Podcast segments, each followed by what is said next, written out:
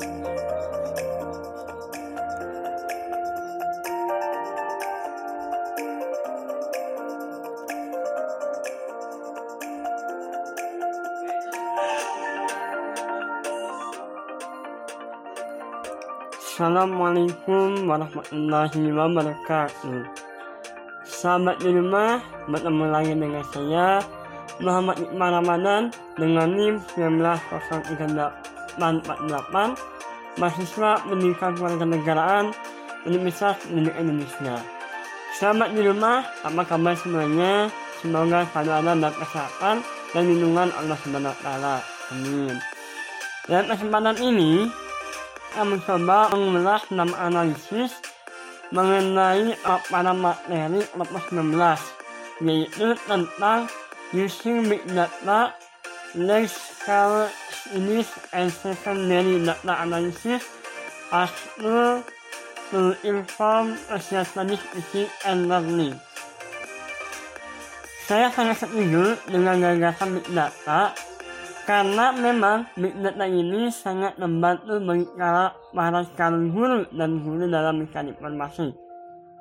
Big data ini sangat menjanjikan untuk memajukan posisi teoritis yang diinformasikan dan bisa mengarahkan kepada pemikiran inovatif tentang lingkungan pendidikan yang kompleks.